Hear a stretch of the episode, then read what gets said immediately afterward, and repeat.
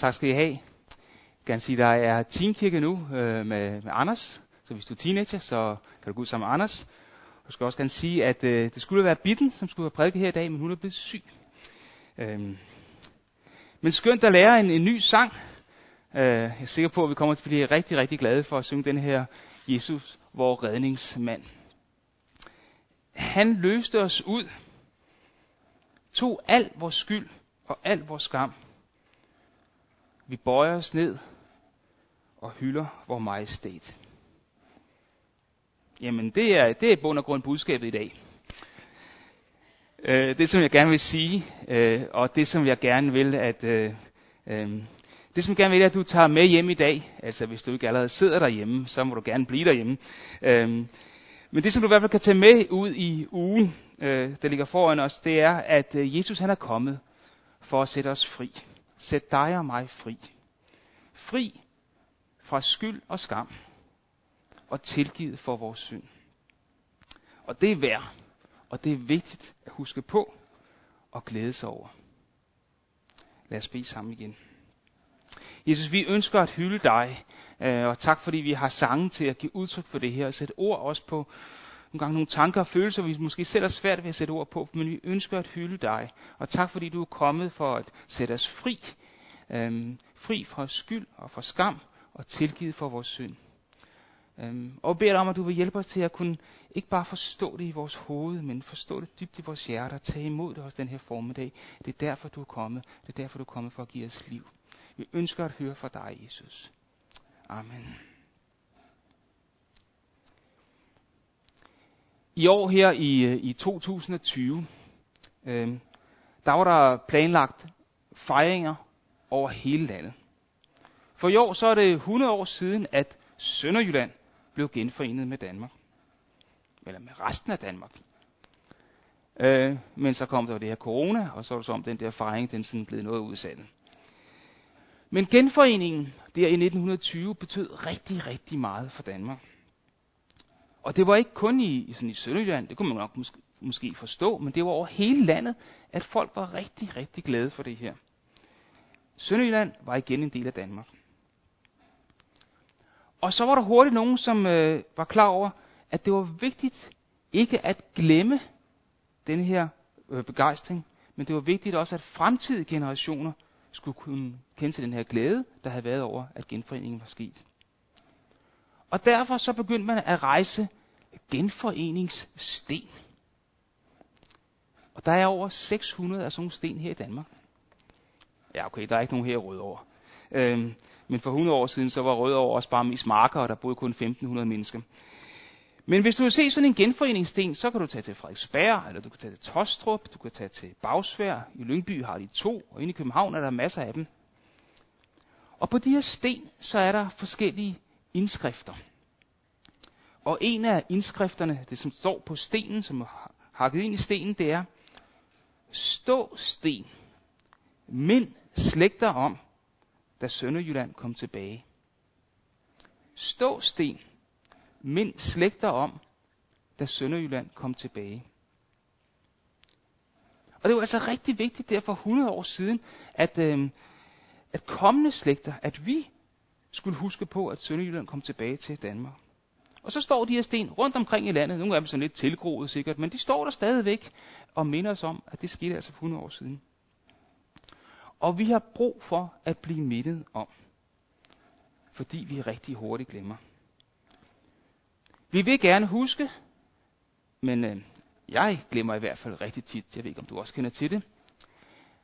Og mange gange har jeg ikke taget op i Netto, jeg så bare have nogle få ting, det kan jeg sagtens huske. Og så kommer jeg op i Netto, hvad var det nu, den fjerde ting var? Så vi laver indkøbssedler og skriver ned for at huske. Og nogle folk, de skriver sådan deres erindringer ned fra deres liv, så de selv og andre også kan huske og høre om, hvad de oplevede. Og vi vil gerne huske, men glemmer ofte. Så derfor, derfor så tager vi billeder, rigtig mange billeder, når vi alle sammen har vores telefoner med, øhm, af glædelige, store og små begivenheder, også nogle gange sørgelige begivenheder i vores liv, fordi vi gerne lige vil, vil fastholde mindet. Og vi har garanteret alle sammen nogle, nogle billeder på væggen eller på opsatstavlen af situationer, som var eller er, øh, rigtig, vi er rigtig glade for. Noget, vi gerne vil mindes. Og det er også derfor, at vi køber ubrugelige og endda ikke nødvendigvis kønne souvenirdimser med hjem fra ferie. Fordi vi gerne vil mindes og huskes på gode oplevelser på ferien. Og hjemme hos os, så har vi sådan her en lille fugl. Og Annette, hun er med i dag, så jeg skal nok undgå at kommentere, hvordan fuglen ser ud. Øh, men den har vi derhjemme, og den er fra Argentina. Fordi sidste år var vi i Argentina, og der var vi ude ved et vandfald, og der solgte de sådan nogle små fugle, nogle indianere solgte sådan nogle små fugle. Og vi snakkede om, skal vi købe sådan en fugl? Og øh, jeg sagde selvfølgelig, nej, nej, vi har så meget det der hjemme, vi behøver ikke nogen fugl. Og Nette synes, det var en god idé. Øh, jeg vandt, så vi købte ikke nogen fugl. Og så der kom hjem, sagde Nette, ah, hun kunne altså godt have tænkt sig at have haft den lille fugl som sådan en minde om det her. Så en af hendes kollegaer skulle senere på året til samme sted, og sagde, kan du købe sådan en lille fugl med hjem? Og nu har vi sådan en lille tillægsruder, kan I selv sætte på, fugl, der står hjemme i vores vindueskarm, og minder os om, at vi var i Argentina. Vi har brug for noget konkret for at huske. Hvad enten det er sådan en kæmpe genforeningssten, eller et billede, vi rammer ind og hænger op. Det er ikke nok bare at sige, og det der skal jeg nok huske. Vi glemmer alt for lidt. Og det ved Gud, som han har skabt, for han har skabt os, og han ved, hvordan vi er. Og derfor har han givet os forskellige huske hjælpemidler. Og et af dem, det er nadveren. Det, at vi sammen spiser lidt brød og drikker lidt vin eller druesaft, og derved mindes, at Jesus døde for os. Og her i Højneskirken, så har vi som regel nadver hver søndag. Det er der mange andre kirker, der også har. Der er også nogen, der har det en gang om måneden, nogle har det også sjældnere. Men, men lige fra begyndelsen af kirkens historie, så har kristne på forskellige måder holdt nadver og mindes, at Jesus han døde og han opstod. Og det var Jesus selv, som holdt den første nadver med sine disciple den her aften, inden han blev korsfæstet. Og både Matthæus, og Markus og Lukas, de skriver om det i deres evangelier. Jesus han var sammen med sine disciple for at fejre den jødiske påske. Og det handlede om at mindes dengang jøderne var kommet ud af Ægypten, og det var jødernes absolut største fest. Der var masser af symboler og traditioner, som tydeliggjorde og hjalp folk til at huske på, at Gud havde grebet ind. Jøderne havde været slaver i Ægypten. Og de havde som slaver ingen mulighed for at øh, kæmpe sig til frihed, til at knokle sig til at blive frie, eller til at opføre sig rigtig pænt, og så sådan på en måde fortjene deres frihed. De var og forblev slaver. Men Gud greb ind. Gud brugte Moses, og ved Guds mægtige kraft blev farve og hele hans hær øh, besejret, og de her israelitter kunne rejse fra slaveriet til deres eget land. Til et liv i frihed, uden slaveriets å på deres skuldre og deres liv. Og denne her befrielse eller udfrielse, den var værd at huske på. Og derfor så fejrede jøderne, og gør det stadigvæk, hvert år påske, hvor de fortalte historien om, hvad der var sket videre til næste generation. De slagtede også et lam, ligesom de havde gjort i Ægypten, og smurte noget af blodet på, på dørkammen ind til deres huse, øhm, ligesom de havde gjort dengang i Ægypten. Og det blod havde gjort, at dødsenglene i Ægypten var gået forbi og beskyttede dem mod Guds straf over Ægypterne. Og det var til det her påskemåltid, som Jesus og, øh, som Jesus og disciplene de havde spist hver eneste år i deres liv. Det var her, at det her skete. Det står i Lukas 22. Senere tog Jesus et brød, takkede, brækkede det over, gav det videre til disciplene og sagde, dette brød er mit læme, som ofres for jer. Spis det til minde om mig. Efter måltidet tog han vinbæret og sagde, dette bærer vin er mit blod, som udgydes for jer. Det besejler den nye pagt. Og disciplene, de tog imod brødet, og de tog imod vinen, da Jesus rakte til dem. Men jeg tror ikke helt, de har forstået egentlig, hvad var det her for noget? Og hvad var det, det betød? Og, og sådan kan vi også have det lidt i dag. Øhm, nadveren kan være sådan lidt noget, noget mystisk noget. Øhm, hvad er det egentlig, det betyder? Og hvorfor er det, vi spiser sådan et lille stykke brød og drikker det her vin? De første kristne var meget hurtige til at inkludere nadveren i deres øh, gudstjeneste og, det, og tilbedelse, når de var sammen. Allerede i Apostlenskærninger 2, vers 42, ser vi, at, at de var sammen om det, der kaldt brødsbrydelsen. Og senere i kapitel 20, så bliver det også nævnt i Apostlenskærninger. Og da Paulus han skrev til menigheden i Korinth, så var han meget tydelig om, at de havde nadver, når de var sammen. Og det var ikke sådan et, altså hvis I nu har nadver, det var når I har nadver. Det var, det var en del af de første kristnes gudstjeneste. Og kirken har siden da holdt fast i nadveren, og vi er så i år 2020, og vi har stadig nadver. Jesus sagde, spis det til minde om mig. Vi skal altså spise brødet og drikke vinen eller drosaften, til minde om, hvem Jesus er, og hvad han har gjort for os. At han døde, og at han opstod. For at vi kan blive tilgivet, frie og rensede. Men hvorfor kan vi ikke bare have en sten, ligesom fra genforeningen? Altså vi kunne få lavet sådan en fin sten, der kunne stå herovre i hjørnet af kirken, indgraveret, og så kunne der stå noget om, at Jesus døde for os. Eller vi kunne have sådan et flot, guldbroderet øh, en tekst, sådan pænt rammet ind, det kunne hænge over på væggen, øh, som sagde det samme. Hvorfor skal vi spise et lille stykke brød og, og drikke det her lille smule saft eller vin? Jesus ville, at disciplene, at vi skulle huske, hvad der skete. Og han ville mere end det. For ellers kunne han bare have sagt til disciplene, øh, husk nu godt efter, hvad der skal ske. Men han gav disciplene brødet og vinen, for at de skulle deltage i nadveren. Og på samme måde bliver brødet og, og vinen, eller druesaften, ragt til os, og vi bliver inviteret til at deltage i nadveren. Jo, vi mindes, at Jesus døde og opstod for 2000 år siden, men mere end det. Når vi tager imod brødet og tager imod vinen, så tager vi imod og viser, at vi også her i dag har brug for Jesu død for os. At vi har brug for hans nåde og tilgivelse, også i dag, her i 2020. At vi anerkender og bekender, at vi tror på og har tillid til, at, at det, som skete for mange år siden, at det har indvirkning og er relevant også for os i dag. At vi, at du og jeg, vi har brug for Guds nåde og tilgivelse. Og at vi taknemmeligt tager imod den. Og der er brug for mere end bare ord, for at vi kan mærke og huske det. Hvert år i juli måned, så har Annette og jeg bryllupsdag. Og jeg kunne sige til Annette, i dag er det vores bryllupsdag. Så ville jeg have husket på det, og jeg kunne ikke blive klandret eller komme til at høre for, at jeg havde glemt vores bryllupsdag. Og her kommer lige et gratis godt råd til alle jer mænd, som er gift. Det er altså ikke nok. Det er ikke nok bare at huske på bryllupsdagen, og så bare ved at vise det til sit til ens hustru.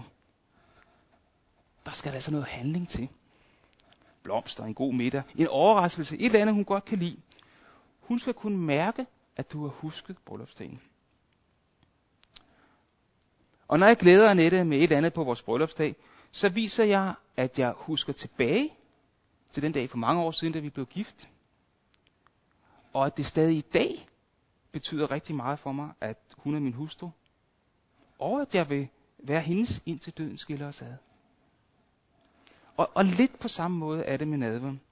Vi ser tilbage på det, Jesus gjorde. Vi er taknemmelige for hans nåde, som vi har brug for, også i dag. Og vi ser frem til en evighed sammen med ham. Nadveren er evangeliet vist i handling.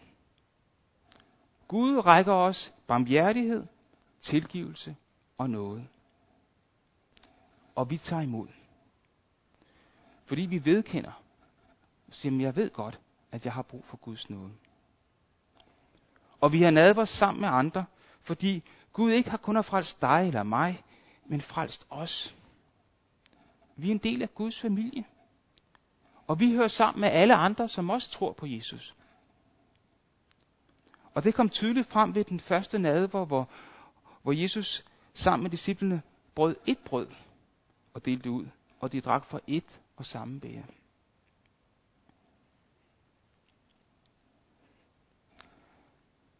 I det, som Paulus skriver over i 1. Korintherbrev, kapitel 11, om nadveren, øhm, der kommer han med en advarsel, og der står her.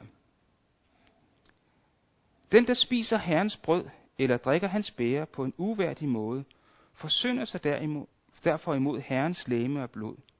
En hver skal prøve sig selv, og så spise af brødet og drikke af bæret. Hvis man er bekymret eller sådan ængstelig anlagt, så kan man godt blive nervøs for, om man nu tager nadveren på en respektfuld og, og værdig måde. Det drejer sig ikke om, hvordan man sidder, hvad man gør, eller hvor andagsfyldt et ansigtsudtryk øh, man kan vise. Det drejer sig om, at vi tager imod nadveren. Når vi gør det, så gør vi det i tro. Tro på, at det Jesus gjorde dengang, det gælder også for os i dag. Og måske har du aldrig givet udtryk for, eller sagt til Jesus, at du tror på ham, og du gerne vil tage imod tilgivelse og noget fra ham. Jamen så er nadveren i dag en helt oplagt mulighed for at gøre det, hvor du kan sige til Jesus, Jesus, jeg vil gerne bekende, at jeg har brug for tilgivelse. Jeg vil gerne tage imod din nåde. Og ligesom vi rækker vores åbne hænder frem og tager imod nadveren, på samme måde kan du tage imod Jesus og invitere ham ind i dit liv. Men omvendt, hvis du ikke tror på Jesus, eller hvis du ikke ønsker, at han skal tilgive dig, så lad være at tage nadver. Paulus skriver også, at vi skal prøve os selv, inden man spiser brødet og vinen. Og det betyder, at jeg tænker efter, om der er noget, jeg skal bede Gud om tilgivelse for. Øh, noget, jeg skal bekende. Det kan både være over for Gud og over for mennesker. Øhm, nadveren handler om vores relation med Gud, men den handler også om vores relation til mennesker omkring os. Så det at øh, prøve sig selv, som Paulus udtrykker det, det er at sige til Jesus, Jesus, er der noget, jeg skal bekende for dig eller andre? Jamen, så vil jeg gerne gøre det. Jeg ønsker ikke at holde noget tilbage i nag eller bitterhed.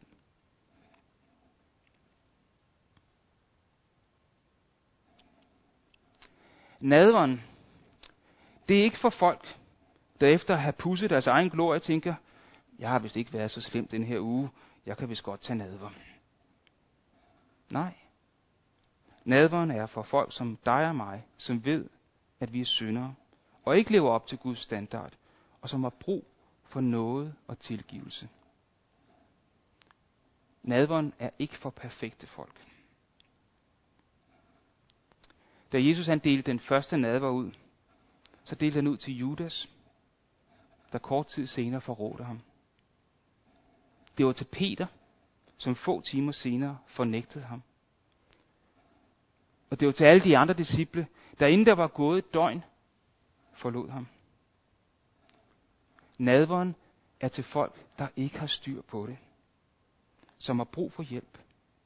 Som har brug for Guds nåde. Nadveren, det er ikke sådan en magisk trylledrik, hvor jeg får tilgivelse ved at spise brødet og, og drikke øh, saften. Selvom nadveren er en mulighed for lige at stoppe op og kigge lidt indad, for at se, om der er noget, vi har brug for øh, og bede om tilgivelse for, så skal vi ikke vente med at bekende vores synd, indtil vi får nadver. Vi kan når som helst komme til Jesus og bede ham om tilgivelse. Der er ingen grund til at vente til søndag med at bede Gud om tilgivelse. Han hører din bøn når som helst. Og han tilgiver, så snart du beder ham om det. nadveren, den her nye pagt, den her nye aftale, som Jesus taler om. Øhm, det er ikke en aftale, hvor, hvor Jesus tilgiver mig, hvis jeg så lover til gengæld at tage mig sammen og, og stoppe med at synde, i hvert fald gør det noget mindre. Nej, den her nye pagt, den her nye aftale, som Jesus indstiftede eller satte i kraft, dengang han havde den første nadver, det er helt anderledes. Jesus han har gjort det hele for dig og mig. Og det er lidt ligesom et, øh, et testamente fra en afdød, der bliver læst op for os af en advokat. Åbne kuverten, vi skal se, hvad der står i det her testamente. Og i det her testamente, eller den her pagt, der står der, at Jesus har gjort alt for os. Vi har fået en kæmpe arv. Og vi skal blot sige ja tak og tage imod. Og arven er så ufattelig stor, vi er simpelthen svært på at forstå det, at vi har brug for, at den bliver læst op hver uge. Så vi kan betages og begejstre os over, hvad Jesus har gjort for os. Og i taknemmelighed over, hvad Jesus har gjort for os, så ønsker vi at adlyde ham. Gøre, hvad han har sagt, og leve for ham, for hans rige, for hans dagsorden. Ikke for, at vi skal gøre os fortjent til arven. Nej, nej, vi har fået den. Men som en respons, som et taknemmeligt svar til arven, vi har fået. Gud har givet os nadveren.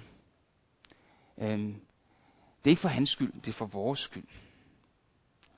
Han har givet den til os, for at vi skal huske på og mindes, hvad Jesus har gjort for os, da han døde på korset.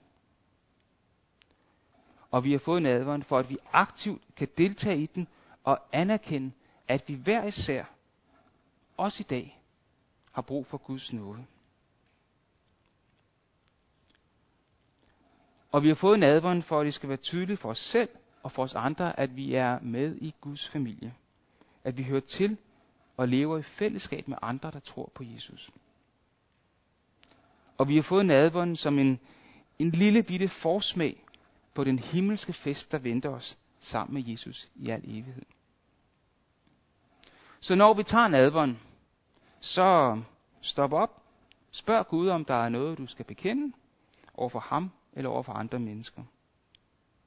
Og sig Jesus tak, at han har gjort det hele. At han døde for dig, så du kan leve et frit liv, både nu og i al evighed. Så deltag med glæde og taknemmelighed i nadveren. Amen.